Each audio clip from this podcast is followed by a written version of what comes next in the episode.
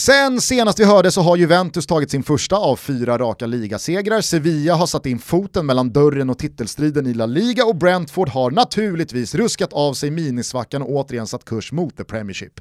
Tänk turbulens i ett flygplan, vissa bryter ihop, knyter händerna, kysser radband och börjar rabbla Gud fader vår. Andra beställer en GT och konstaterar att Tony och da Silva är i slag igen, att Saman Ghoddos börjar varva upp rejält och att lagkapten Jansson närmar sig comeback. Eller som Ponne själv uttryckte det nyligen i våran WhatsApp-konversation, snart är pappa tillbaka också.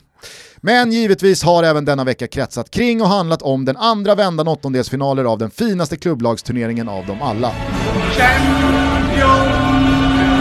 Först ut var Atletico Madrid och Chelsea i Bukarest av alla ställen på jorden och det var ett skärrat, tilltufsat Atleti som efter ett par plumpar i Spanien fick kortslutning och ställde ut ett riktigt skevt 6-4-0 mot Tuchels fartfyllda och nyfödda Londongäng.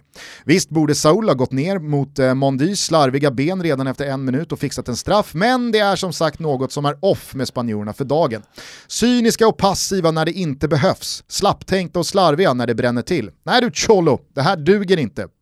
Duger gör dock Chelsea, som fått ett monumentalt lyft den senaste månaden. Mason Mount visade sig inte bara vara Frankies boy, utan den ständigt underskattade engelsmannen är bäst även under Tompa T. Försvaret är stabilt även utan Thiago Silva och till dess att man hittar en klockren lösning längst fram för en lång tid framöver är Olivier Giroud det perfekta tidsfördrivet. Cykeln var inte den renaste, men vad gör det? 1-0 på bortaplan och rejält slagläge Chelsea.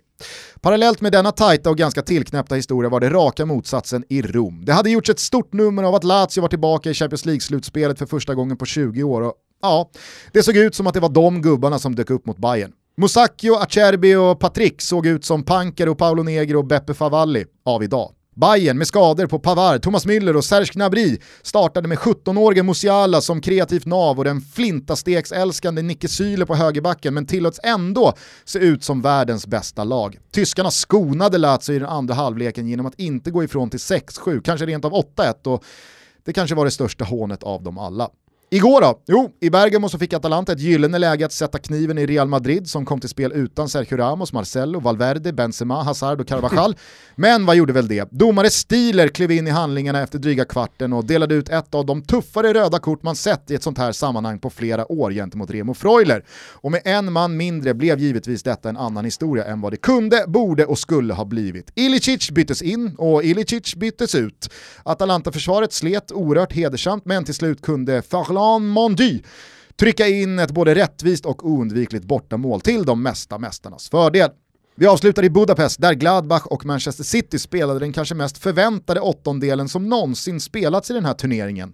Pep petade i treans växel, Gladbach lurades att tro att de var med i matchen, men när klockan slagit 93 så hade de ljusblå från Manchester avgjort dubbelmötet med 2-0 utan att på något sätt imponera eller för den delen se dåliga ut.